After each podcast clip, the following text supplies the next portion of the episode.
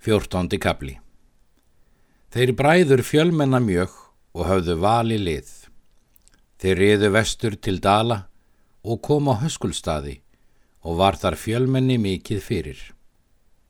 Skipuðu þeir höskuldur og hrútur annan bekk en brúðgumi annan.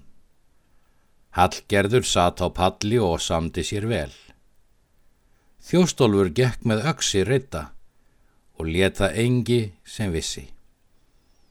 En er bóði var lokið fór Hallgerður söður með þeim. En er þau komu söður til varmalækjar, þá spurði þórarinn Hallgerði ef hún vildi taka við búi. Egi vil ég það, segir hún. Hallgerður sat á sér um veturinn og líkaði við hana ekki ítla. En um vorið töluðu þeir um fjárhægi sína bræður og mælti þórarinn.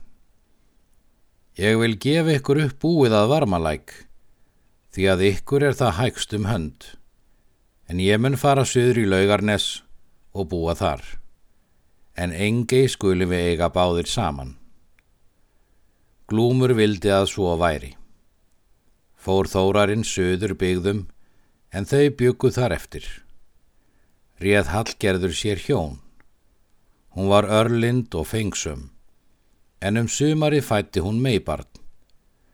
Glúmur sagði henni hvað heita skildi. Hanna skal kalla eftir föðurmóður minni og skal heita Þorgerður, því að hún var komin frá Sigurði Fápnisbanni í föðurætt sína að langfæðga tölu.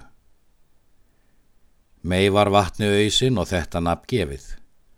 Hún ógst þar upp og gerðist lík móður sinni að yfirlitum.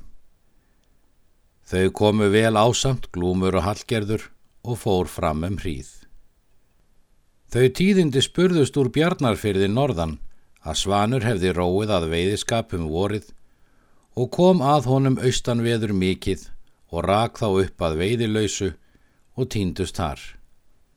En fiskimenn þeir er voru á Kaldbak þóttu sjá Svan ganga inn í fjallið Kaldbaks horn og var honum þar vel fagnað en sömur mælti því í móti og hvaðu öngu gegna, en það vissu allir að hann fanns hvergi, hvorki lífsnýju döður. En er Hallgerður spurði þetta, þá þóttu henni mikill skaði eftir móðurbróður sinn. Glúmur bauð þórarni að skiptum löndin.